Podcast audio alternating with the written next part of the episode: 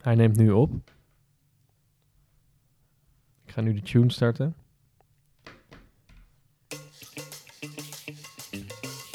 Ja, dames en heren, van harte welkom bij deze jubileumaflevering van Open De deur! Julian en eh, Ruben zijn eh, eventjes weg geweest, eh, ongeveer een, een jaartje. Even een jaartje ertussenuit. Maar het is een mooi jaartje geweest, een bewogen jaartje ook. Zeg dat wel, zeg dat wel. En daarom zijn we terug om weer eh, een hoop moois met jullie te bespreken. In de Open Deur Podcast!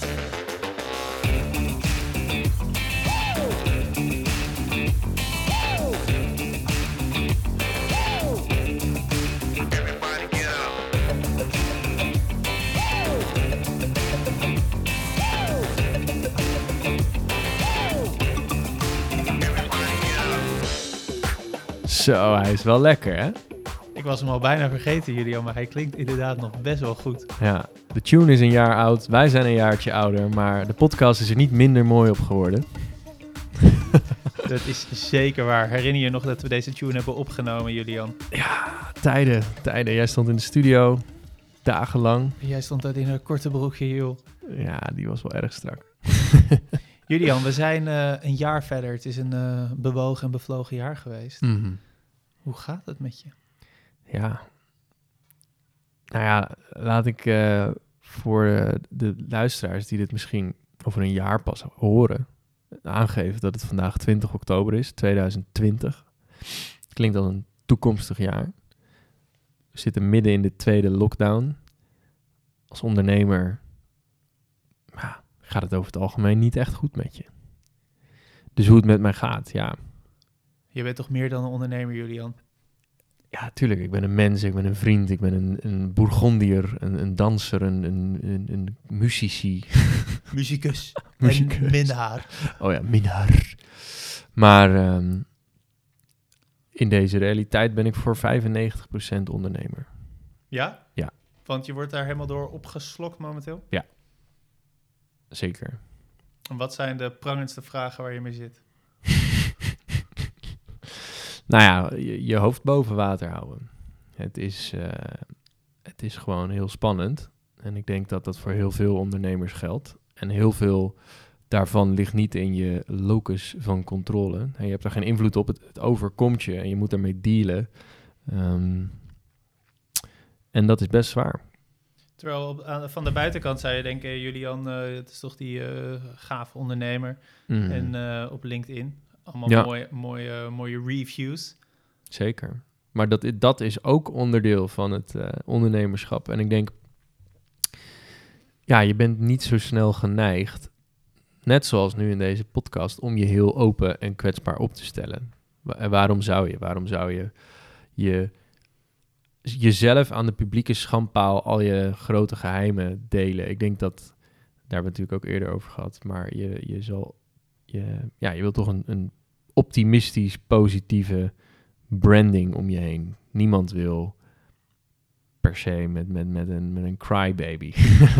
Nee, dat snap ik. Maar je zegt al meteen schandpaal, wat natuurlijk al een, een meteen enorm waardeoordeel heeft. Want je zou kunnen zeggen, oh wat fijn dat zelfs iemand die er zo succesvol uitziet als Julian Hmm. op het, op het intranet, dat hij eh, zich ook echt best wel kut voelt af en toe. En Ja. een beetje kwetsbaar opstelt. Dat is waar. Of is dat gewoon, dat Ja. kan niet, want dat is slecht voor de omzet.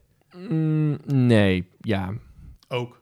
Mm, niet per se. Ik, misschien, ik denk sterker nog, misschien is het in, in deze tijd juist heel eh, eh, goed om je heel kwetsbaar op te stellen. Alleen het moet wel een, een functie hebben. Ehm, Waarom? ehm, nou ja, ik, ik hoef niet zozeer al mijn, al mijn twijfels en al mijn angsten in het publieke domein te gooien. Want dat doe ik al bij vrienden en, en familie waar ik, ja, ik zie niet hoe een vreemd iemand me daarin moet bijstaan, zeg maar. Dus ehm, daarmee moet het wel waarde hebben om dat te delen, denk ik dan. Ehm, maar dat is wel iets wat je denk ik veel nu ziet, dat mensen daar, ja, ik denk wat heel veel mensen niet durven is om hulp vragen. Eh, want dat, dat is niet per se iets wat stoer is, terwijl het is heel krachtig om om hulp te vragen. En ja, je ziet het niet heel veel, omdat je toch eh, doorgaat en optimistisch blijft. En eh, ja, Wa- Wat, weer, wat weerhoudt jou ervan om af en toe dan om hulp te vragen? Ehm, ja, ik denk een stukje de ego die in de weg zit. Een bepaalde trots, een bepaalde... eh, ja, iets wat je hebt opgebouwd, wat je niet... Je, je kindje, het, is, het zou hetzelfde voelen als dat je je, je, je, kind die naar de middelbare school gaat... ehm, via de, de, de intercom door de schoolgangen moet roepen... ja, mijn kind heeft... eh, heeft een ziekte of zo, weet je wel. Jij hebt altijd metaforen. Het is geweldig. Ja, maar je bent heel trots op dat Ja. kindje. En daar, daar, daar- niet, niet iedereen hoeft te weten dat hij eh, glutenallergie heeft. Weet je wel? Nou, dat lijkt me toch vrij handig, dat iedereen weet dat hij glutenallergie heeft. Ja, oké.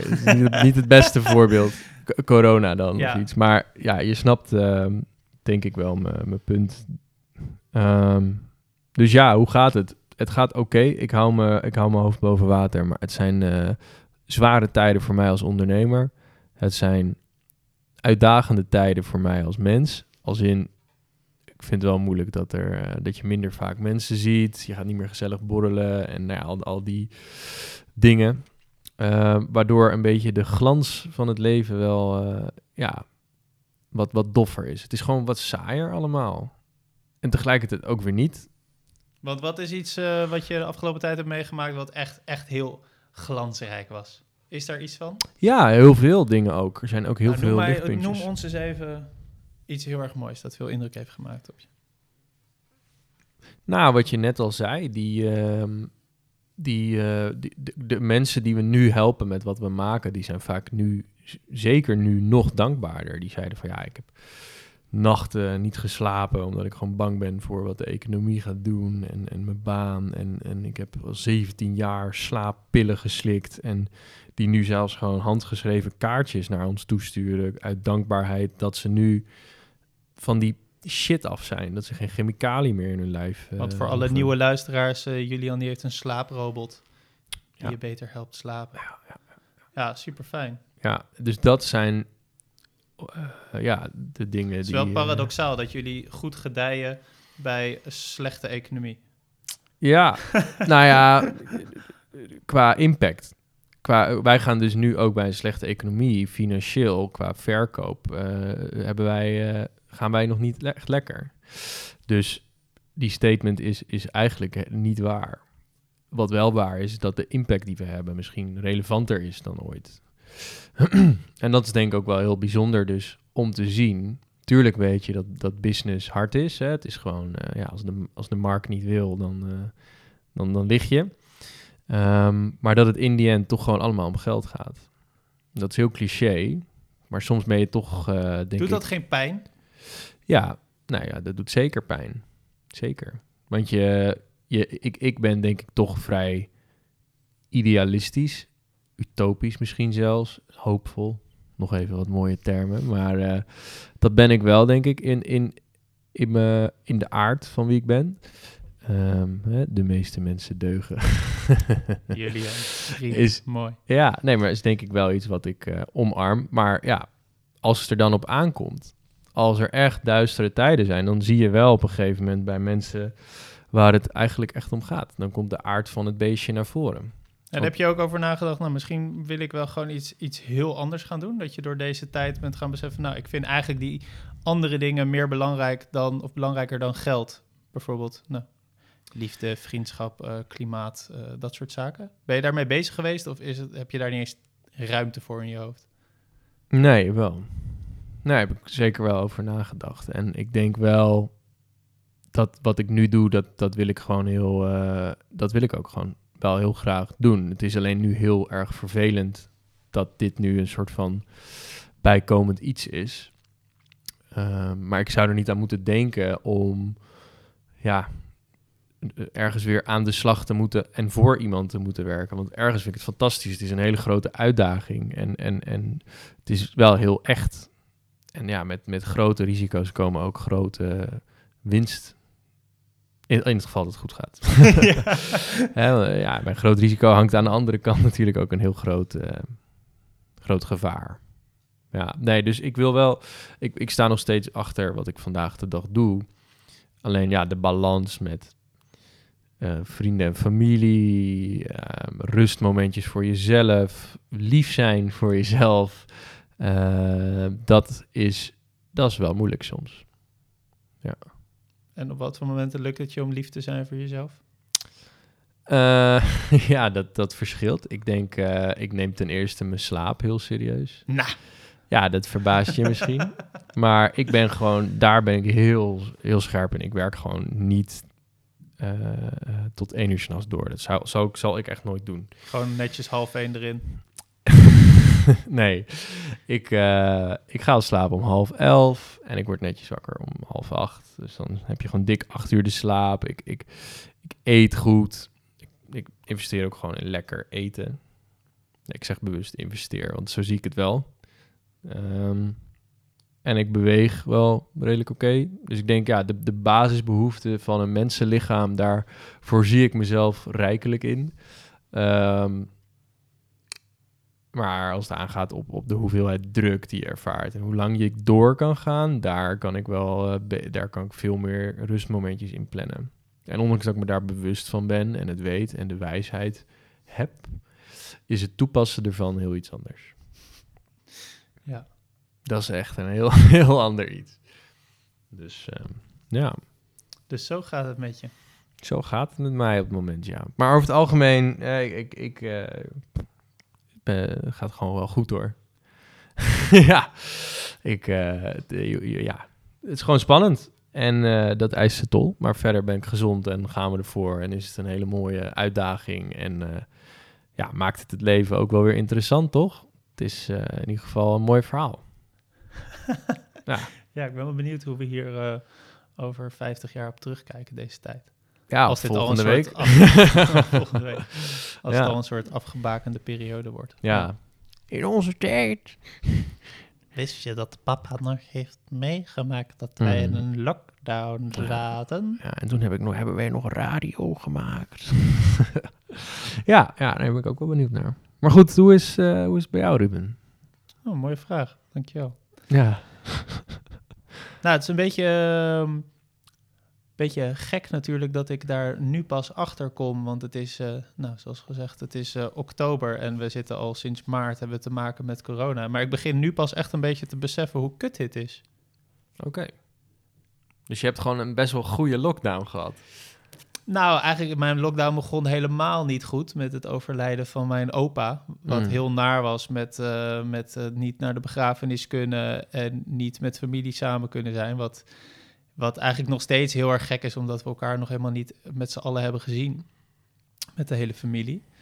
Ehm, en ik vind het gewoon eh, heel erg lastig, merk ik nu, dat, dat niets meer vanzelfsprekend is. Dat je Mm. ik heb telkens ook, nou, ook dat ik nu hierheen kom, dat ik erover nadenk, ja, is dat wel verstandig? Moet ik dat wel doen? En met die vrienden spreek ik wel af, maar ik ga weer niet naar mijn oma toe en ik ga weer niet naar eh, kantoor, maar ik ga dan weer wel dat. En ik vind het zo lastig, omdat ik normaal best wel goed het idee heb dat ik kan vertrouwen op, op mijn gevoel. En dat ik gewoon denk, nou, dit voelt goed, dit ga ik doen.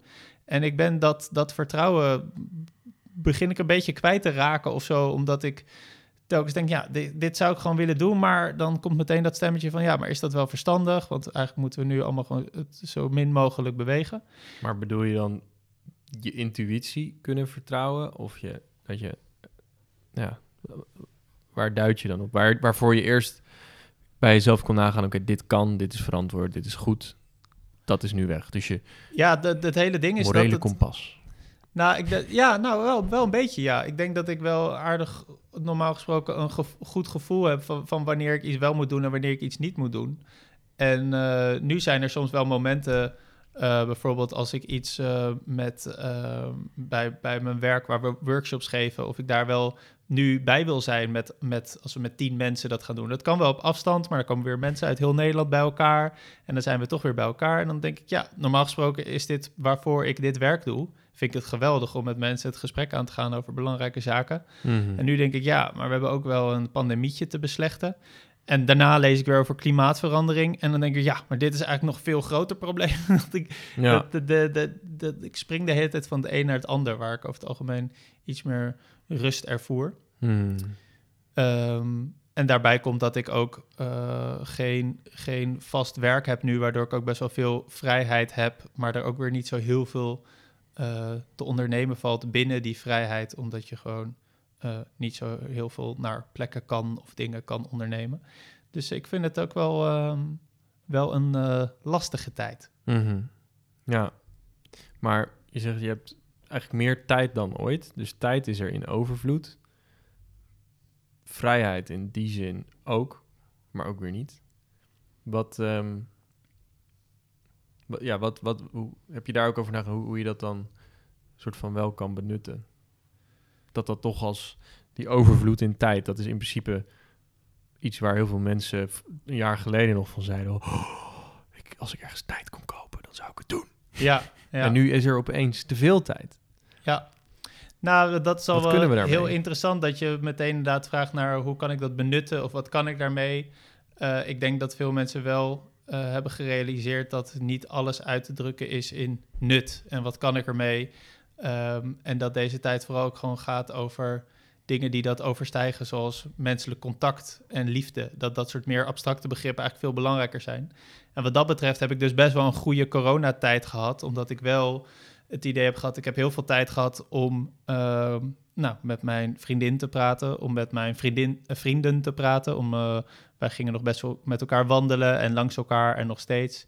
Ik bel regelmatig met mijn eh, familie, wat ik fijn vind. En dat zijn eigenlijk de echt belangrijke dingen voor mij.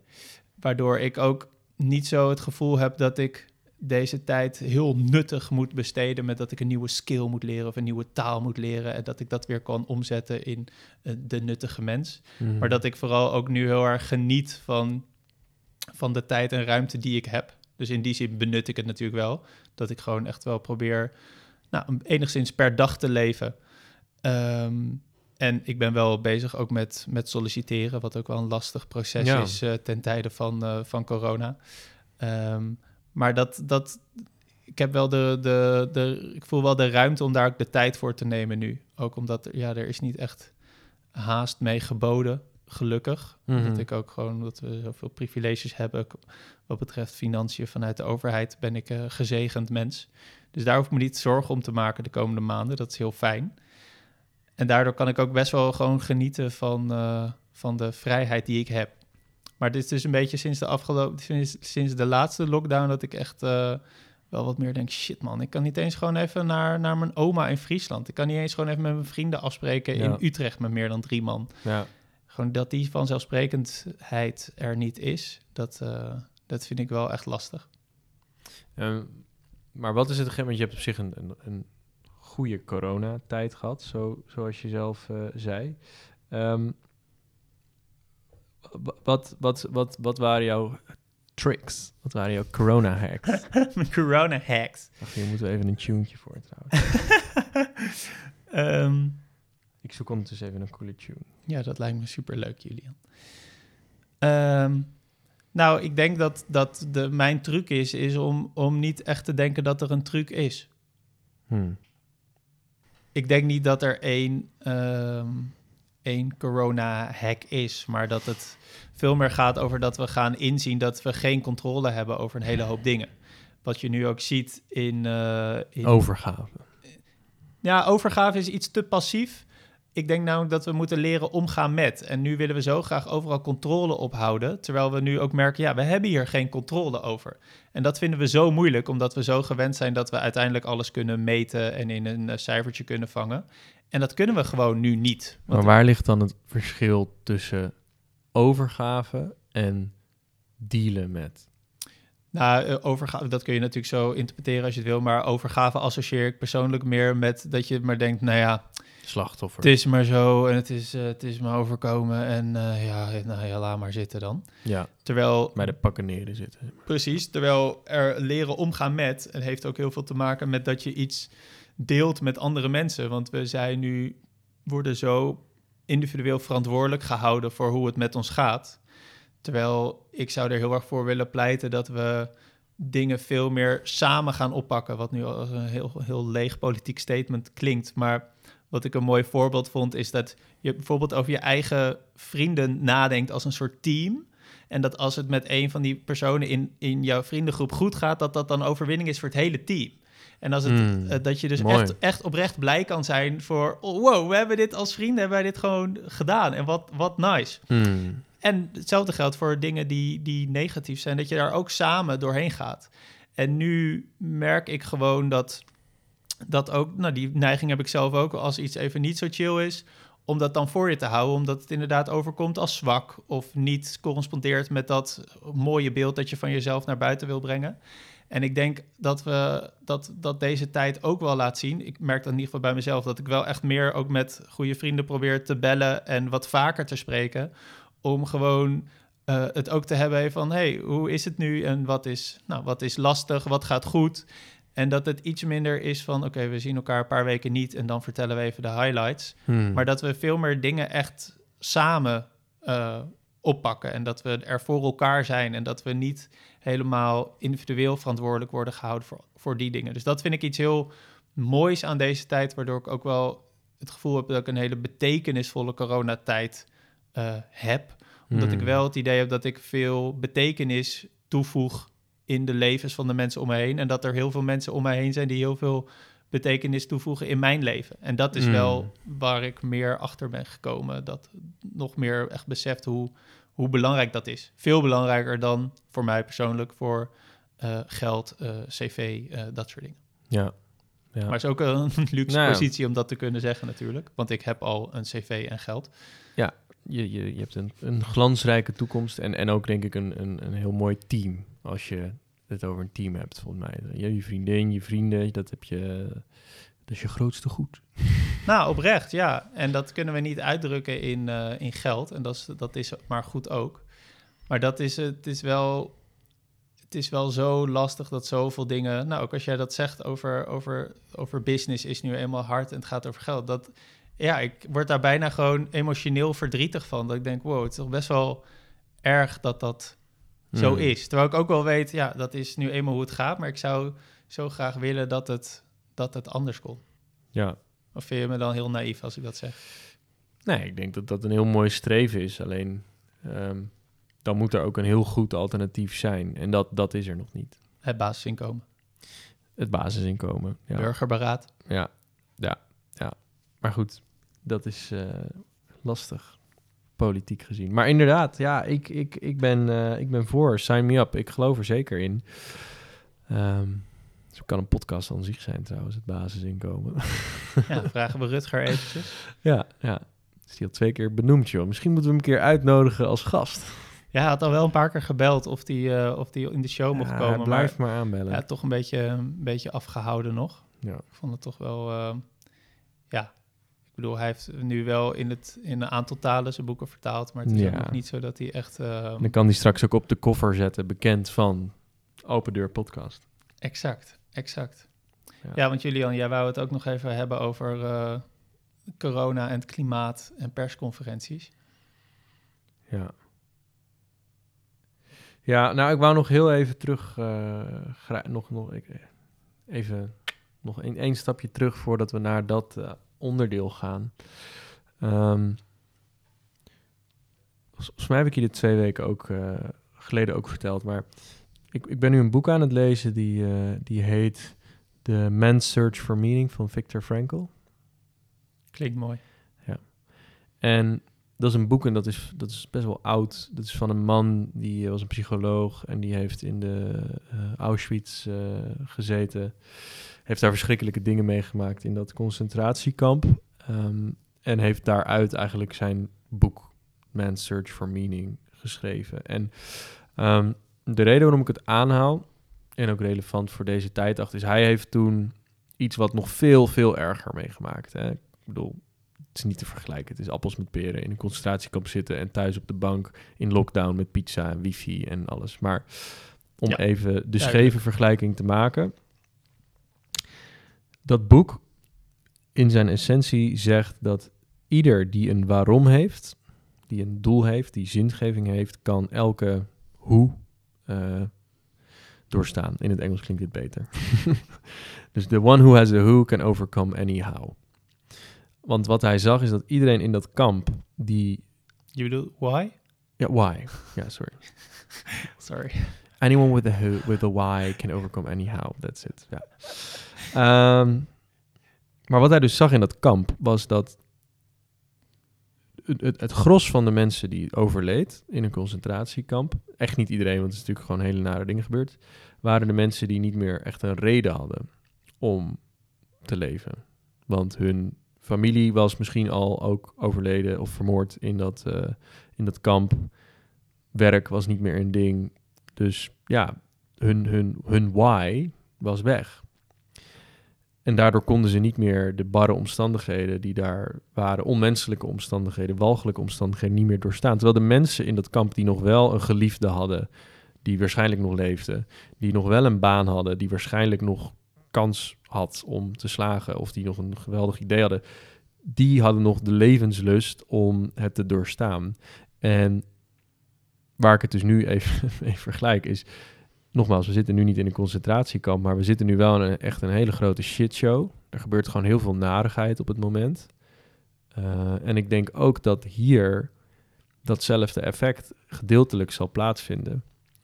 Niet in termen van leven of dood, maar wel in termen van uh, dit kunnen doorstaan op een manier zonder kleerscheuren. En zonder misschien ook mentale uh, schade. Dat je, ondanks dat het super zwaar is, als je, als je weet waar je het voor doet, dat kan zijn je familie, dat kan zijn je vriendin, dat kan zijn je vrienden, dat kan zijn je werk, dat kan zijn je puppy. I don't know.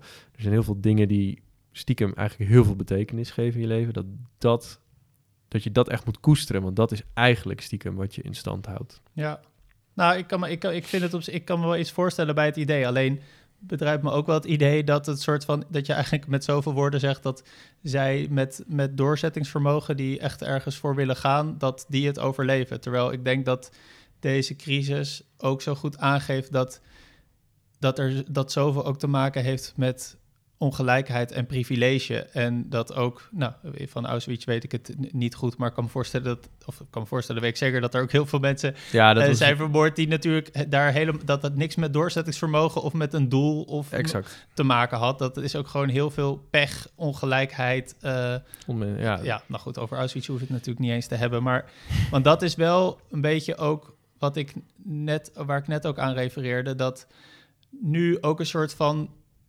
idee kan ontstaan dat de mensen die uh, corona, die daar goed bij gedijen, dat dat komt omdat zij gewoon hard hebben gewerkt en heel erg hun best hebben gedaan. Terwijl er ook mhm. heel veel mensen zijn die kaart hun best doen, die het niet trekken, omdat, ja. we, omdat we bijvoorbeeld omdat er zoveel ongelijkheid is, omdat sommige mensen meer kans hebben dan anderen. Ja, maar ik denk dat dat ook niet het punt is wat ik wilde maken. Okay. Dat Gelukkig het is maar. Niet, het is niet doorzettingsvermogen, het is het kunnen precies wat jij net zei. Het verschil tussen overgave en dealen met. Ik denk dat dat exact de nuance is. De mensen die, overga die zichzelf overgeven aan wat er gebeurt, die worden een slachtoffer en die zijn passief. Die in dit geval overleven het waarschijnlijk wel, maar die, die, die hebben het echt. Ja, dat is gewoon heel naar wat daar nu ook gebeurt. In, in termen van werkeloosheid, misschien ook op je gezondheid, op je mentale welzijn. en de mensen die dus kunnen omgaan met, omdat ze een reden hebben om, om te leven. Ook al is je bedrijf net failliet gegaan, dan is dat verschrikkelijk en heb je keihard je best gedaan. Toch is je familie er nog. En daar doe je het eigenlijk voor.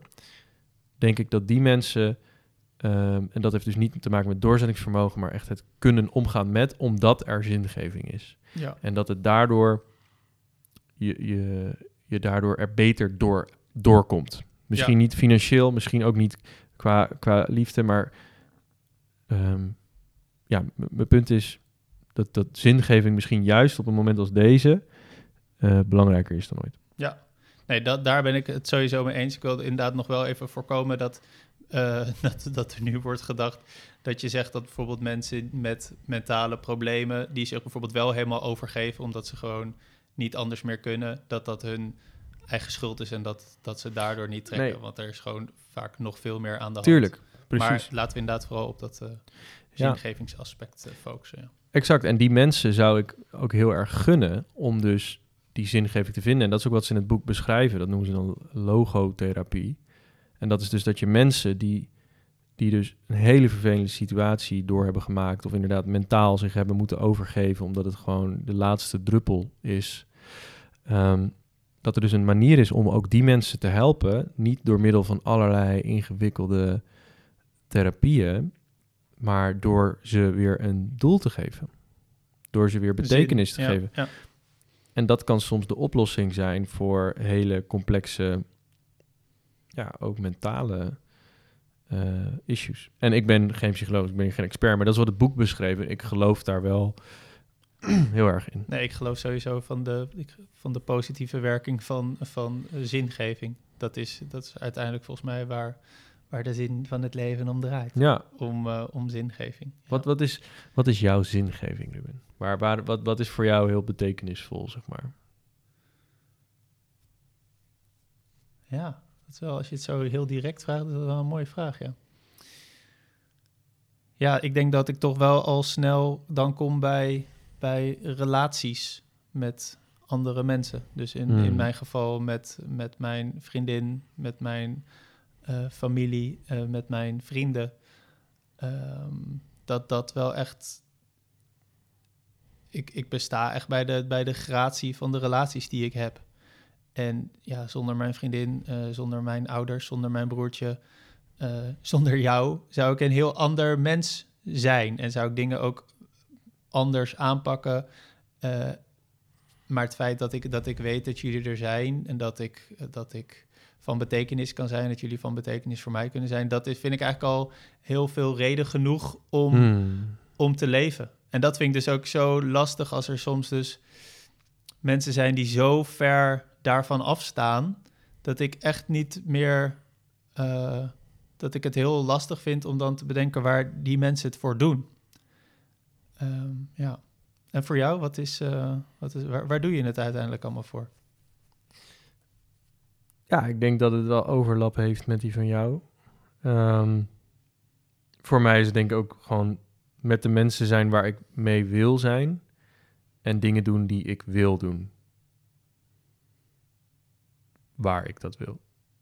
En als ik dan heel, heel kritisch mag vragen naar dat je net zei dat je voor 95% nu met je werk bezig bent. is- kan je dat daar ook die betekenis vin- eh, betekenisgeving vinden? Ja, want daar heb ik ook vrienden. Misschien meer als collega, maar dat zie ik ook als belangrijke relaties. Dus ja, dingen doen En ook die... een hoger, een soort hoger doel misschien? Precies. En Ja. het, het is iets wat ik ook echt, echt wil doen. Het is, iets, iets, het is iets moois om aan te bouwen met, met dat iets kan betekenen. Dus dingen doen met mensen die, waar ik mee wil zijn, waar ik mee van betekenis kan zijn voor een groter doel. Dat, dat is het misschien wel. Ja, heel mooi. Nou, ik denk dat dat Ja. grotere doel wat jij noemt, dat dat ook, ook iets belangrijks is. Wat we natuurlijk met het wegvallen van, van religie ook helemaal niet meer hebben. Dat we het idee hebben dat we het voor een soort groter doel doen. Ja. En nou, ik heb eh, de afgelopen tijd ben ik best wel veel bezig geweest met, met klimaatverandering. En ben, heb ik ook meegedaan aan de blokkade van Extinction Rebellion. Eh, wat, eh, Je hebt op straat gezeten. ik heb op straat gezeten. Nee.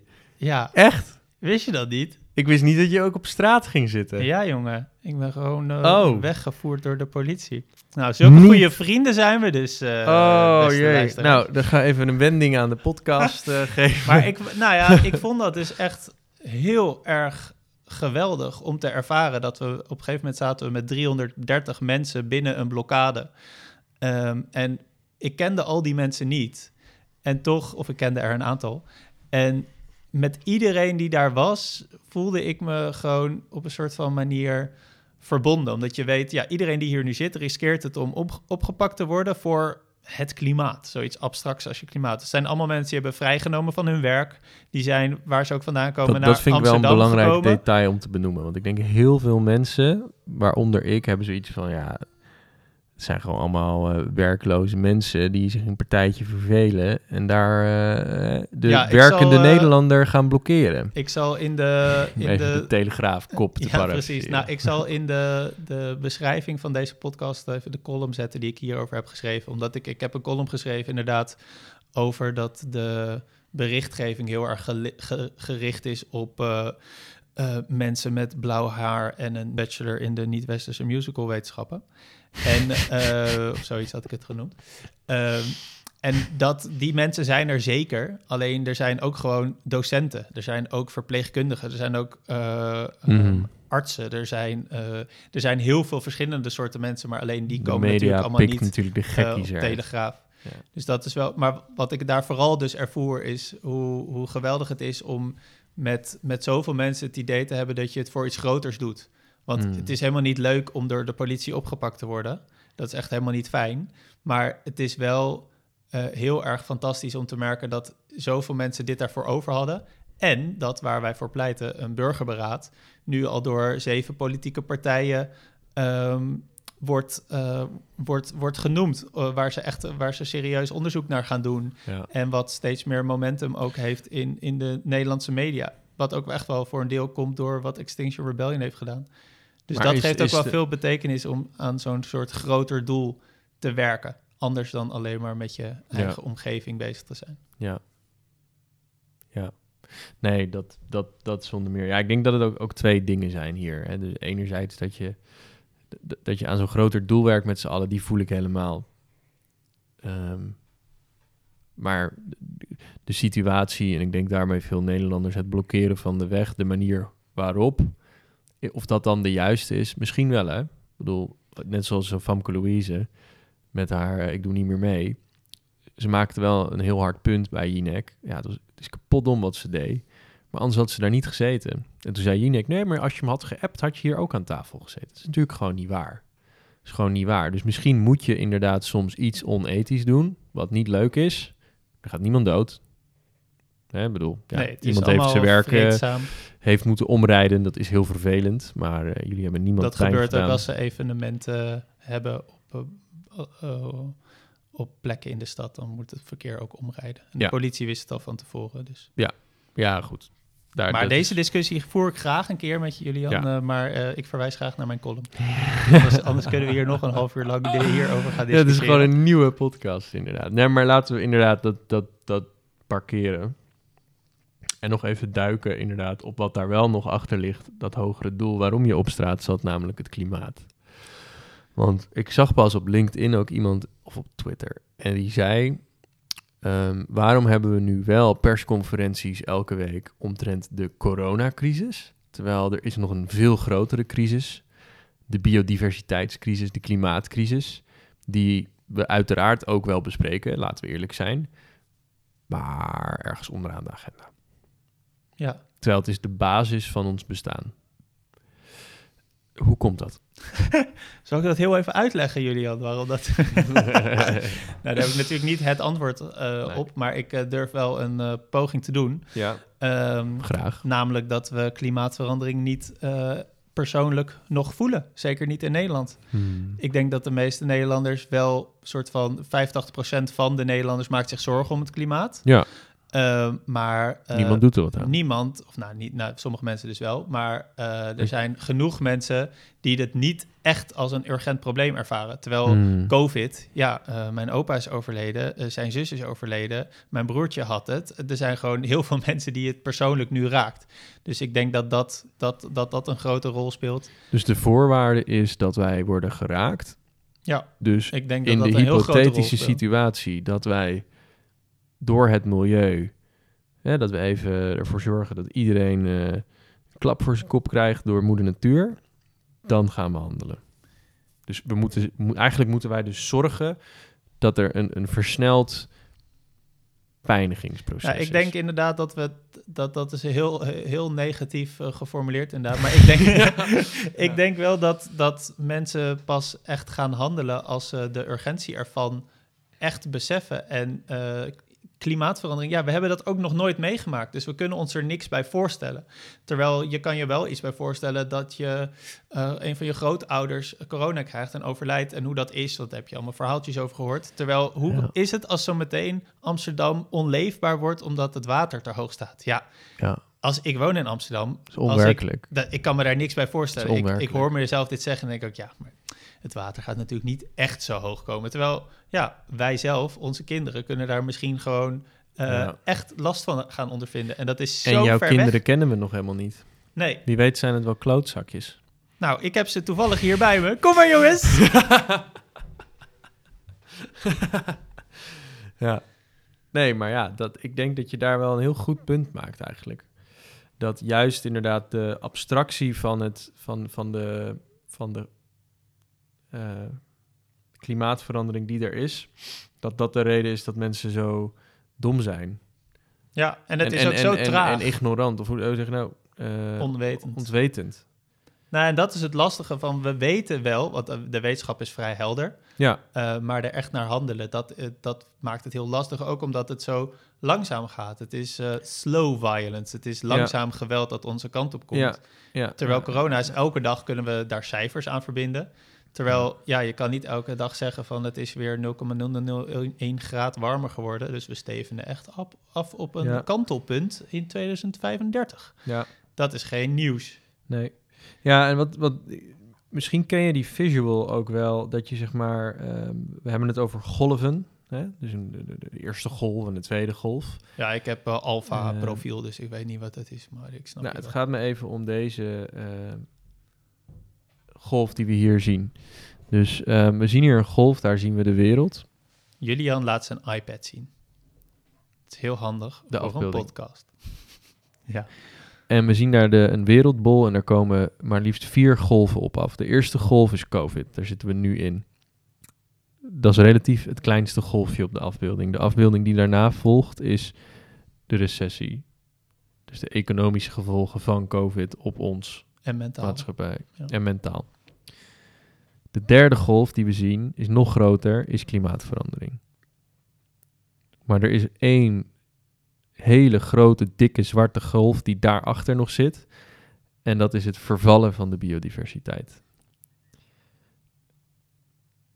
Wat dat ga je eraan doen, Ruben? Is dat je vraag? Nee. Wat heb je gedaan? nee, maar dat, dat, ik, eh, dat was ook die nieuwe Netflix-serie eh, of aflevering van eh, David Attenborough. Attenborough. met zijn prachtige stem. For years. Oh, nee. Nou, je kan het best goed trouwens. Oh, Ja. hou op hoor. Ja. Hou op hoor. Ja. Nee, maar dat, dat... Iedereen die kijkt dus een soort van... De mens is toch een soort van korte termijn. En, en ik denk dat daarmee misschien maar een heel klein percentage van de mensen dit zien. En net, net zoals bij roken. We weten dat het slecht is, toch rook je, omdat het lekker is.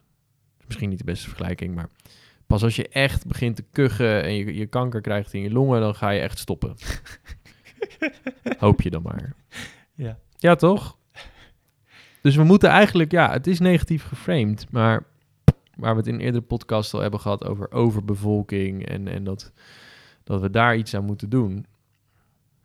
En daar waren ook eh, ethische en minder ethische methoden voor. Ja, maar wat, wat maak je zin eens af? Wat moeten we doen? Nou ja, wat David Attenborough ook zei, investeren in de educatie voor vrouwen en meer carrière mogelijkheden voor vrouwen. Want het is bewezen dat als zij meer, als vrouwen meer carrière kunnen en mogen maken, dat ze dan ook minder snel kinderen zullen nemen, of op een latere leeftijd en dan wel minder. Dus dat is gewoon een hele ethische, prachtige methode om minder kinderen te krijgen. Ja. Nou ja, dan heb je nog de minder ethische natuurlijk. Dat is gewoon, eh, ja, een one-child policy. Eh, eh, dan heb je nog gerandomiseerde sterilisatie, genocide, pandemieën. Han- ja, pandemie. Maar misschien is de aarde ons nu al aan het reinigen. Ja, weet je, in de, in the end, de natuur, we zijn echt maar een... in, in de geschiedenis van de aarde, hè, we, we zijn hier nog maar heel erg kort. Als je kijkt naar hoe lang de, Ja, de aardkloot er al is. En de natuur gaat altijd naar, naar evenwicht en balans. Dus, en nu ja, zijn maar we die uit zijn we balans. flink aan het verstoren, inderdaad. Ja. Ja, dus moeder natuur gaat ons gewoon keihard pakken. Ja. En misschien is corona al een poging daartoe. Ja, Alleen zijn we nu doe je een beetje alsof, eh, alsof het een soort eh, beestjes zijn met een plan. Ja, Eh, terwijl wij zijn net zo goed onderdeel van die hele, die hele ecosfeer. Ehm, Ja. En ik heb wel op zich wel vertrouwen in dat je dus ook met beleid eh, ervoor kan zorgen dat eh, er bijvoorbeeld ehm, nou, een CO2-tax wordt, ge- wordt geheven en dat er een maar is dat voldoende? Nee. Weet ik niet. Laten we het in ieder geval wel eh, proberen. Ja, Toch? Want zoals het Minimaal, gaat, eh, gaat hem ook niet worden. Ja, maar zijn het niet te kleine stappen? Is dit niet nu ook de kans om, om gewoon ook echt flink uit te pakken op het gebied van klimaatverandering en Ja, biodiversiteit? Sowieso. Maar dat, i- dat Juist heeft met nu. al die dingen te maken. Dus dat, ja, juist. nee, maar dat heeft met dus en, en in beleid en in belasting voor grote bedrijven en in ehm, Mm. eh, hoe grote bedrijven eh, hun geld investeren in fossiele energie. Ja, dat, Ja, dat moet natuurlijk gewoon zo snel mogelijk eh, stoppen. Ja. Maar daar, daar is gewoon eh, een burgerberaad voor nodig. En dat gaat nu gelukkig eh, maar komen. burgerberaad, je zegt het alsof het hetzelfde is als een frikandel speciaal. Wat, wat is dit, jongen? Een burgerberaad. Een burgerberaad is een partij overstijgende vorm van politiek, waarbij eh, 150 eh, random gekozen burgers bij elkaar wordt gezet. En dat is wel belangrijk om te vertellen, dat zijn 150 mensen die een representatieve afspiegeling vormen van de samenleving. Dus eerst wordt er, worden er bijvoorbeeld een paar duizend mensen uitgenodigd en daarvoor wordt dan nou, zoveel procent vrouw, zoveel procent man, zoveel procent met die culturele achtergrond, opleidingsniveau, et cetera. Zodat je een representatieve vorm hebt, eh, of een representatie. En die mensen, die gaan dan met elkaar ehm, zich buigen over een vraag die eh, idealiter vanuit de overheid wordt gesteld. Bijvoorbeeld, hoe kan de overheid rechtvaardig klimaatbeleid gaan voeren? En dan is het zo dat die, die groep mensen, die gaan dan met elkaar, aan de hand van, of onder begeleiding van moderatoren, die gaan het dan met elkaar hebben over wat zij goed vinden en wat zij goede ideeën vinden. En die gaan dan, het kunnen ook eh, aanspraak maken op experts. En zij kunnen dan samen, eh, kunnen zij aanbevelingen doen aan, aan de overheid. Dus dat Macron heeft dat nu al in Frankrijk, eh, is dit al gebeurd voor klimaat. Dus daar komen nu, eh, volgens mij waren iets van 145 aanbevelingen uitgekomen, waarvan die er 142 nu gaat doen. Dus dat is echt, echt geweldig. Ehm, omdat je daarmee ervoor zorgt dat een politieke partij heeft natuurlijk ook heel veel nog in zijn achterhoofd. Ik moet mijn kiezers bij me houden. Dus je Mhm. kan niet alles openlijk zeggen, want je moet ook een beetje slim zijn. En ehm, eh, bedrijven hebben gewoon een lobby die ook ervoor zorgt dat er allemaal verschillende belangen zijn. Terwijl als je gewoon random gekozen Nederlanders bij elkaar brengt, ja, die hebben geen ander belang dan gewoon alleen maar hun eigen belang. En dan zal het waarschijnlijk al snel gaan over waar we het net over hadden. De gezondheid van je, van je naaste, van je geliefde, eh, dat dat allemaal eh getackeld is. Dus dit, nou, dit, is, dit heeft ook wel echt nu momentum. Maar krijg je dan niet... Ik vind het een mooi idee hoor. Maar is het dan ook niet suboptimaal dat je dus ehm, het typische poldermodel krijgt? Iedereen vindt wat, meeting in the middle... Terwijl we Ja, hebben gewoon ik- één daadkrachtig leider nodig... die dingetjes gaat doen die niet iedereen leuk vindt. Nou, ik denk dus dat meeting in the middle in het geval, maar dat weet ik niet, dat zal moeten blijken. Maar wat blijkt nu wel uit de, het Franse experiment, maar dat meeting in the middle veel, eh, veel eh, krachtiger klimaatbeleid gaat eh, veroorzaken dan wat we nu hebben. Want nu durft de overheid dat niet, want misschien verlies je dan wel kiezers. Want terwijl kiezers, ja. Uh, nou ja, wat ik dus zei, 50% Dus van de. Nederlanders maakt zich zorgen om, om klimaatverandering. Dus ik denk, als je 150 mensen bij elkaar zet, dat, ja, zeker als je ook nog uh, experts erbij hebt, dat je al best wel snel denkt, nou ja, klimaatverandering laten we dan maar gewoon iets aan doen. Want volgens mij is dat voor iedereen beter economisch uh, gezien, gezondheidstechnisch gezien, mentaal gezien. Dus ik heb daar juist wel heel veel vertrouwen in. Maar het heeft ook wel te maken met, met het mensbeeld dat je hebt. Het zullen ook mensen Ja. zijn, uh, ja, misschien is de uitslag wel dat, uh, dat uh, klimaatverandering een hoax is. Dat dat eigenlijk stiekem blijkt. Dat verwacht ik niet, maar zou... Ik heb dus begrepen dat uh, eigenlijk de overheid gewoon een elite partij is die kinderen misbruikt. Hè?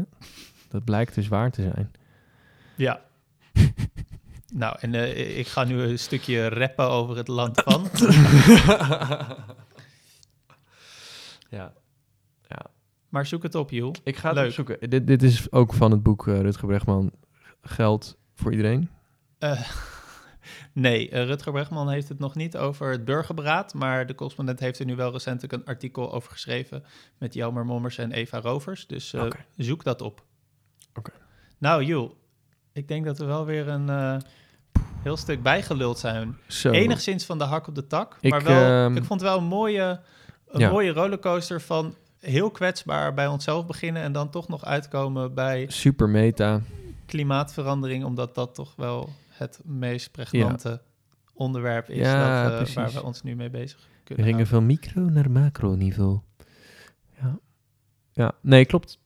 Klopt. Ik ehm, moet wel zeggen dat het een, een, een podcast was waar, die, ik, die ik voorzichtig online zou zetten.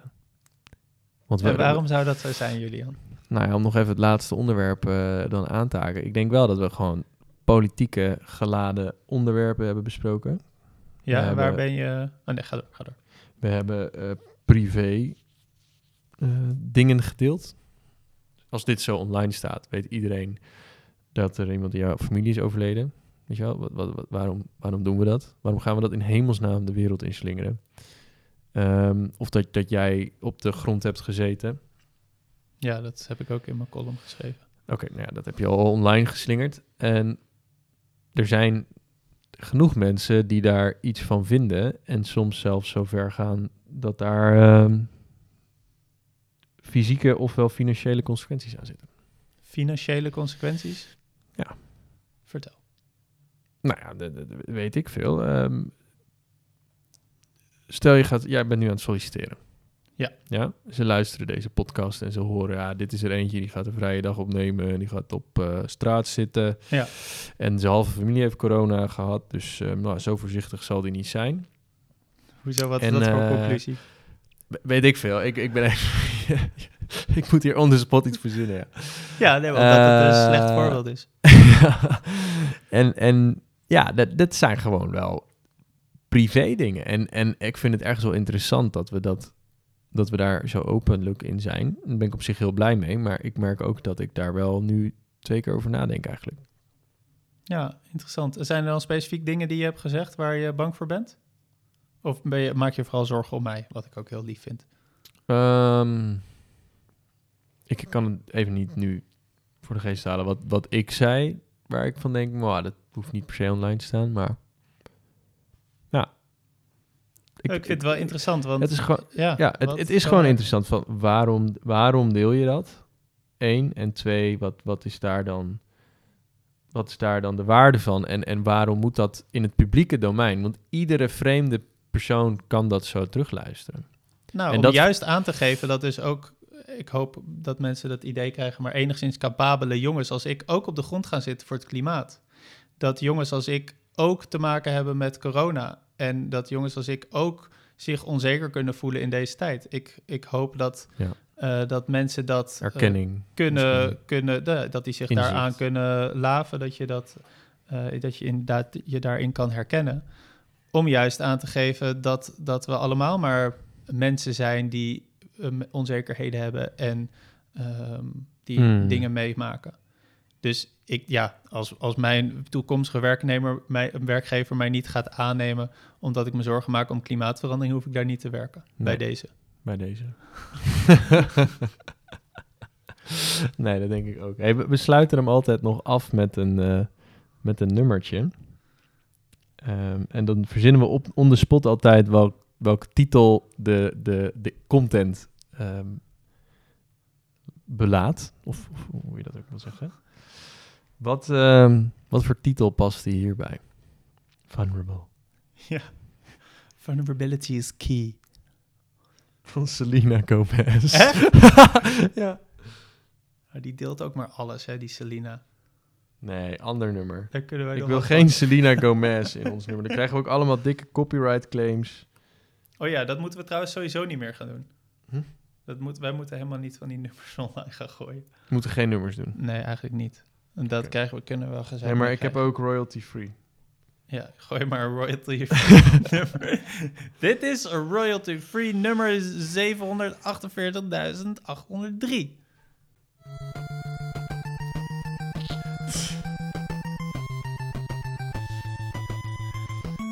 Ja, dit is wel echt veel beter dan echt muziek.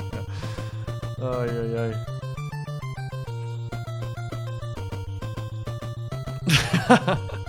oh, je vindt het weer lekker gewoon.